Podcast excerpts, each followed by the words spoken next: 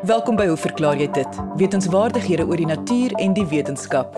Jy vra die vraag en ons span beantwoord dit. My naam is Lise Swart en ons paneelkenners vandag is dierkundige professor Sewil Daniels, medikus Dr Heinz Middler en herpetoloog professor Lefras Meton.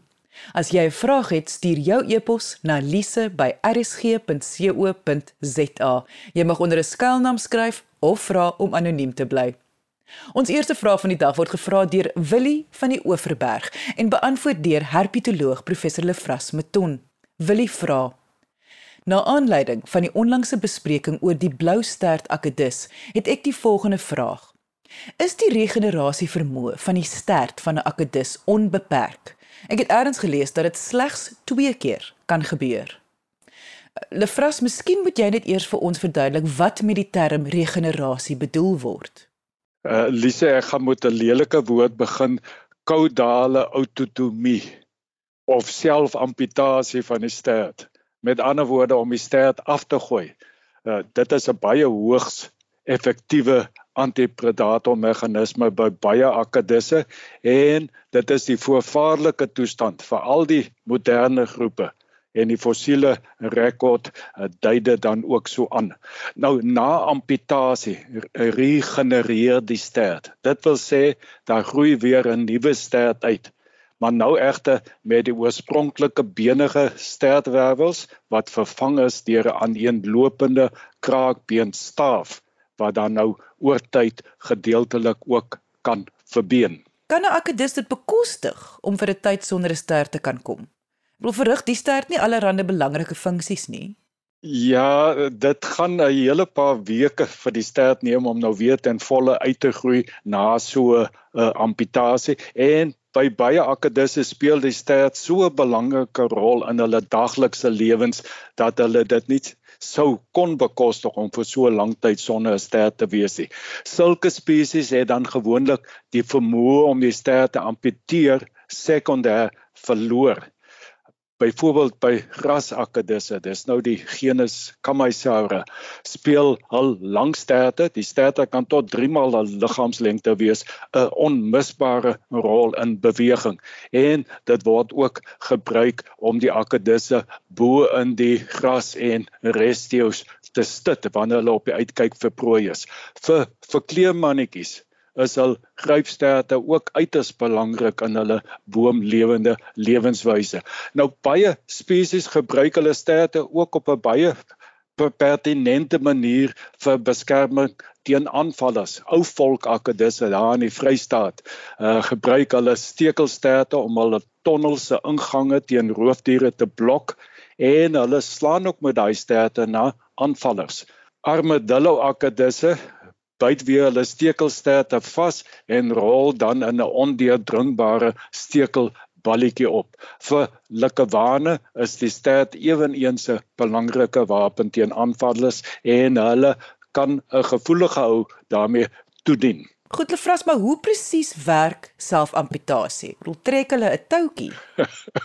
Daar is twee maniere waarop die stert geamputeer kan word, naamlik intervertebraal Dit is nou waar die stert by 'n spesifieke swak vlak tussen twee wervels breek of intravertebraal. Dit is nou die voorvaarlike en meer algemene toestand waar 'n reeks stertwervels elkeen 'n vooraf gevormde interne breek of splitsingsvlak het. Nou hierdie breekvlakke binne die wervels is ook in fossiele sigbaar sodat 'n mens dan nou afleidings rakende die tipe amputasie meganisme wat daai spesifieke spesies dan nou het. Uh jy kan nou nou afleidings daarvan maak. Intra vertebrale autotomie is onder meer komplekse neurologiese beheer deur die individu in vergelyking met inter vertebrale autotomie. Met sommige spesies wat in staat is om die stert te amputeer sonder enige fisiese aanraking deur die predator. Die amputasie van die stert word bewerkstellig deur spiersamentrekkings wat daartoe lei dat die stertwervel dan nou langs sy splitsingsvlak breek of minder algemeen dan sal die stert tussen twee wervels breek. Die kaudale of uh, stert bloedvate word deur sfinkterspiere afgesluit om bloeding te beperk en velflappe vou oor die wond om genesing te bespoedig. Die kraakbeenstaaf wat na selfamputasie regenereer, bevat nie enige breekvlakke nie en gedeeltes daarvan kan dus nie geamputeer word nie.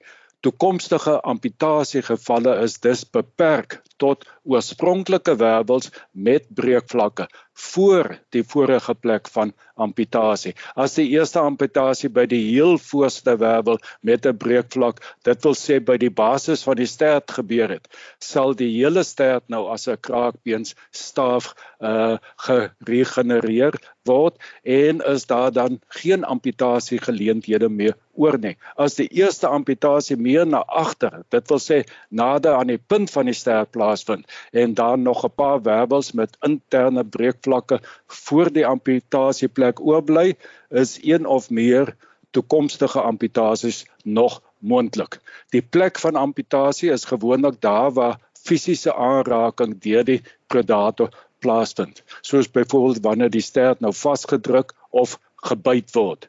In gevalle waar die stert sonder aanraking deur die predator geamputeer word, geskied dit gewoonlik vir maksimum effek by die basis van die stert en sal daar dan geen toekomstige amputasies moontlik wees nie. Behalwe vir die verskille in interne morfologie, verskil geregenereerde stertsegmente gewoonlik ook in kleur en vorm van die skubbe van die oorspronklike stert. Dit is wel so dat 'n deel van 'n geregenereerde stertsegment nie self geamputeer kan word nie omdat die kraakbeenstaaf geen breekvlakke bevat nie. Maar dit beteken nou nie dat regenerasie direk aan amputasie gekoppel is nie. Met ander woorde dat slegs stertsegmente wat deur selfamputasie verloor is geregenereer kan word nie. Indien 'n deel van 'n geregenereerde stert wat uit nou uit 'n kraakbeenstaaf bestaan om een of ander rede verlore sou gaan, soos byvoorbeeld wanneer dit deur 'n predator afgebyt word, sal die ver verlore deel wel geregenereer word. Ons praat dan van re-regenerasie. 'n Interessante verskynsel wat ek self ook al dikwels teëgekom het, is dat 'n akedus soms sy stert nie volledig amputeer nie. Dit wil sê die stert toon by die betrokke uh, breekvlak 'n wond aan die een kant van die stert en die twee dele van die stert bly aan mekaar vas. Wat dan nou gebeur is dat daar dan 'n nuwe stert by die wond geregenereer word en die akedus dan nou eindig met 'n vertakte stert of twee sterte dan. Die voorkoms van uh geregenereerde sterte is veral hoog by naglewende geitjies omdat daar nie noemenswaardige spiere in die geregenereerde stert is nie is daar nou baie plek vir die geitjies om vet te stoor gegee ook dat die hulle vel baie plooibaar is. Geitjies met sulke vet sterte, spesifieke gevalle waar die stert by die basis geamputeer is, kom dus baie algemeen voor. Waarskynlik is die stert na so 'n amputasie 'n veilige plek om om vet te stoor omdat daar nie nog 'n amputasie moontlik is nie. As, ons het ook al gesien dat sekere geitjies nadat hy sy stert afgegooi het en ontsnap het, dan na 'n tydjie na die toneel terugkeer om dan nou sy afgebroke stert op te eet. Dit is nou indien die predator dit nie gedoen het nie. So om op te som, Willie van die Oeverberg, die aantal kere wat 'n akedus sy stert kan amputeer, hang af van waar op die ster dit die eerste keer gebeur het. As daar nog as daar nog oorspronklike wervels met interne breekvlakke oorbly na die eerste amputasie, is 'n tweede en selfs 'n derde amputasie van die eh, regenereerde stert moontlik. Dit sou egter waarskynlik selde vir 'n akedus nodig wees om in sy lewenstyd meer as 1 of 2 keer selfamputasie teen 'n aanvaller te gebruik. En dit was herpetoloog professor Lefras Meton. Onthou om jou vraag te stuur per e-pos na lise@rsg.co.za.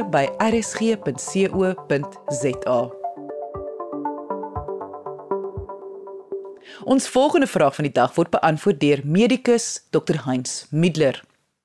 Lise, na aanleiding van Dr. Heinz Middler se antwoord oor hallusinasies, wil ek graag weet.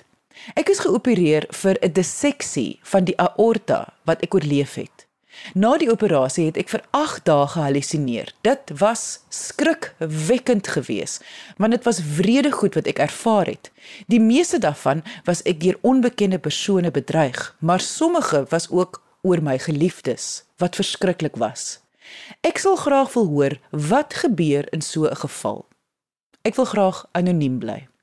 Dr Middler OK, aorta aneurisme. Kom ons kyk net na ons vraer wat sê na aorta aneurisme herstel het hy gehallusineer en hy het snaakse beelde gesien en dit en of dit nou algemeen is tydens aorta aneurisme. Ek dink ons moet net eers kyk wat is 'n aorta aneurisme want daar is verskillende oorsake van aneurismes. En nou aneurisme beteken dis 'n verwyding van die vat. So die aorta wat die hoofslagader in die lyf is, is sê nou maar 5 cm in deursnit of 4 3 4 5 cm en as hy nou begin 5 6 7 8 cm raak dan raak hy nou verwyd en hy raak te groot en dan moet hy herstel word. En die, die rede is daarvoor die algemeenste is maar uh, uh, uh, aterosklerose in die ou daar was sifilis een van die oorsake.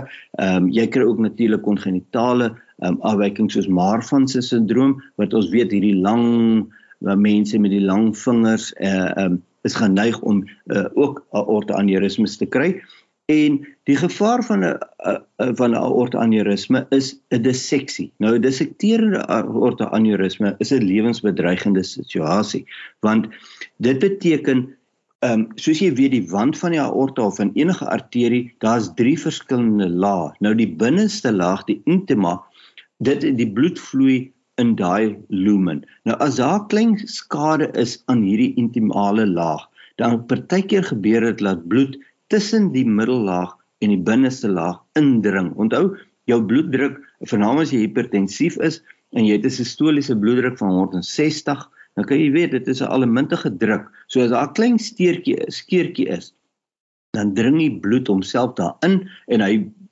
skeer dan nou jou intima van die res van die laag af en hy maak 'n nuwe lumen wat eintlik 'n vals lumen is. En dan skielik kom al die wiele af. Jy weet, so 'n persoon eh, kan onmiddellik dood neerval of hy kan erge pyn ontwikkel en hy word hospitaal toe gehaas en dit is een van die van van van van die min regtig chirurgiese noodgevalle wat moet geopereer word om te kyk of jy nie die persoon se lewe kan red nie. En dit is ingewikkelde chirurgie, dis hoë risiko chirurgie, dis hoë risiko narkose en jy weet die mortaliteit is ontsettend hoog in hierdie persone. Nou om net weer terug te kom na die aneurisme waarvan hy praat, ons moet ook onderskei tussen 'n torakale aneurisme en 'n abdominale aneurisme. So, kom ons praat oor torakale aneurismes want dit is eintlik maar die groot die in gevaarlikste ene wat wat dringend moet aandag kry. En dit beteken dit is 'n hartoperasie waar jy die borskas moet oopsaag, jy moet by die hart uitkom en jy moet kyk wat aangaan by daai aorta en jy moet daai um, aorta regmaak. Nou om dit te kan doen is dit soortgelyk aan 'n gewone hartoperasie, maar partykeer is dit baie meer ingewikkeld. Nou tydens 'n gewone hartoperasie, soos mense weet, ons praat van 'n omleiding, ehm um, word as jy in die hart opereer, jy of jy nou wil vate omlei of jy 'n klep wil vervang, jy kan nie aan die hart werk as hy vol bloed is nie en jy kan ook nie aan die hart werk as hy klop nie. So jy moet die hart leeg kry en jy moet die hart laat stil staan. En om dit te kan doen, moet jy 'n omleidingsmasjien gebruik, 'n perfusie-masjien of 'n bypass-masjien. Dit beteken die masjien uh, staan langs die bed in die teater. Hy word ge, ge, uh, weet gewerk deur 'n perfusie-tegnoloog en dit neem die funksie van die hart oor terwyl jy nou aan die hart werk. Nou om dit te kan koppel, beteken dit al jou veneuse bloed wat van jou lyf afkom wat nou na die hart toe gaan en daarvan af na die longe toe moet gaan om suurstof te kry en daarna gaan dit mos na die linker kant van die hart en dan word dit weer na die liggaam gepomp en dan gaan dit weer terug na die regterkant van die hart. Nou die, wanneer hy terug gaan na die regterkant van die hart, sit jy 'n kanule in daai deel van die hart en daai bloed word nou uitgesuig na die masjien toe sodat dit nie na die hart toe gaan nie. Maar om die liggaam te voorsien van geoksigeneerde bloed, wanneer die bloed in die masjien is, sit jy suurstof in die bloed en jy stuur dit terug na die liggaam toe deur middel van nog 'n kaniele wat jy dan in die aorta sit. So as jy dan nou tussen die aorta se kaniele en die hart 'n klem aansit, dan word jou hart heeltemal gebypass en jy kan die hart oopsny en jy kan nou regmaak wat jy wil regmaak tot jy klaar is met die operasie, alles toegewerk is en dan begin jy stadig weer die pasiënt se bloed vir hom teruggee en dan haal jy die klem af en die jy weet en en jy's van bypass af en die masjien se funksie is vervul. Nou dit is 'n standaard met hartoperasies. Maar tydens 'n torakale um, aneurisme kan jy partykeer daar waar jy nou jou kaniele in die aorta sit, is nou eintlik presies waar die fout is. So jy het kan nie nou net die die masjien gebruik nie want jy wil nie by die hart werk nie, jy wil by die aorta werk. En soms gebeur dit dat jy dan die masjien moet afskakel om die aorta oop te maak om dit reg te maak. Dit beteken jy het nou niks bloedvloei nie. Jy het niks suurstof wat in die liggaam gaan nie, maar jy moet nog altyd sorg dat hierdie pasiënt gaan oorleef. En om dit te kan doen, moet jy hierdie pasiënt afkoel. En ons koel af tot omtrent so 18 grade Celsius wat yskoud is. Ons gee 'n klomp middels om die brein te beskerm. Um, dis 'n ingewikkelde so, uh, uh, uh, prosedure en ons die chirurg moet vinnig werk en hy moet weet wat hy doen want wanneer jy die masjien stop en daar is geen bloedvloei nie, is die pasiënt prakties dood want hy word net beskerm deur middels en lae temperature en dan het die chirurg omtrent 20 minute om daai gat wat hy wil toewerk of ding wat hy aan mekaar wil werk aan mekaar te werk en dan moet ons weer op die bypass masjien gaan. So daai is 'n kritieke periode en soos jy sal kan aflei is dit kan gepaard gaan met komplikasies en probleme. Ehm um, en dit is dus nie te ongewoon vir pasiënte om na die operasie fyn neurologiese uitval te hê nie. Daar kan gasborreltjies wees wat deurgegaan het met die brein. Daar kan klein stolseltjies wat deurgegaan het. Enigiets is moontlik want jy weet daar's 'n klomp kalsium in klomp goeters aan die aorta en partykeer al werk mense hoe versigtig soos jy kan, is daar goeters wat deurgaan ehm um, na die brein en da, wat vir kan komplikasies veroorsaak en natuurlik ook die middels. So die middels speel 'n groot rol um, tydens hierdie tegniek om die brein te beskerm en um, en, en en en dit het hulle eie komplikasies op hulle eie. Nou na hierdie operasie moet hierdie pasiënt gesedeer gehou word en hy gaan 'n intensiewe sorgeenheid vir 'n dag of 2 of 3 of selfs langer geventileer word en hy word um, uh, gesedeer met opiate van soos morfine of soortgelyke middels, um, ander narkosemiddels, so daar's klomp middels betrokke. Nou baie van hierdie middels kan halusinasies op sigself veroorsaak. Hierdie halusinasies is nie psigoses soos wat jy kry tydens skizofreniese siektes of uh, jy weet 'n uh, psigiatriese psigoses nie. Dis maar neeweffekte van van die middels en ehm um, dit is kortwerkend wanneer die middels opgehou word uh, uh, dan is dit verbygaande. Maar party mense is nog bewus daarvan want hulle het nog altyd 'n infusie van hierdie middels aan maar uh, soos ek sê dit dit sal ophou aan die einde. So daar's verskeie redes hoekom jy halusinasies kan kry na 'n uh, aorta aneurisme. Soos ek gesê het, dit kan wees van die bypass, van die afkoeling van goedjies wat deur die brein is, fyn neurologiese uh, insidente wat meeste van die goeters uh, klaar spontaan op en dan tweedens is dit oor die middels wat jy gebruik wat sterk middels is, potente middels is en almal het die uh, uh jy weet die potensiaal om halusinasies te veroorsaak, maar dit is ook verbygaande en nie 'n rede tot kommer. En dit was medikus Dr Heinz Middler. Jy luister na Hoe verklaar jy dit op RSG 100 tot 104 FM. Ons skitsvraag word gevra deur Ronel Stein van Kimberley en beantwoord deur dierkundige professor Cecil Daniels. Ronel skryf: Ek het gesien hoe 'n sebra deur 'n trop uitgeskop word in Itasha. Die sebra het heeltyd teruggegaan alhoewel hulle hom aanhou skop. Hoekom doen 'n trop dit? Wat word van die sebra wat uitgeskop word en hoekom hou hy aan teruggaan? Professor Daniels 'n Mens moet onthou dat sebras behoort tot die Equidae, die familie, en hulle kom voor in tropiese grasvelde. Nou daar's 3 spesies wat in Afrika voorkom. Burchell's zebra wat redelik wyd versprei is in Suidelike Afrika, Graves zebra wat in Somalië, Kenia en Ethiopië voorkom en dan ook die bergzebras wat dan nou in Angola, Namibië en die westelike gedeeltes van Suid-Afrika voorkom. Nou zebras in die algemeen woon in 'n kudde en hierdie kuddes bestaan gewoonlik uit familiegroepe. Binne hierdie familiegroep is daar gewoonlik 'n alfa mannetjie wat dan nou die dominante mannetjie is en wat voorplantingsregte het tot die wyfie binne sy eie kudde. So wat nou gewoonlik hier gebeur en spesifiek in hierdie gevraag is, uh, in hierdie geval liewer is dat um die jong merries, hulle gaan nou binne hierdie familiegroep woon, maar die jong hingse Wanneer hulle 'n sekere ouderdom bereik, gaan hulle uit die familiegroep uitgeskop word. En die hoofrede daarvoor is werklik om inteling binne die groepskonteks te probeer verminder. Want 'n mens kan nou dink dat wanneer die uh uh hunks en byvoorbeeld 'n merry binne dieselfde uh groep is, gaan hulle geneties ook baie dieselfde wees.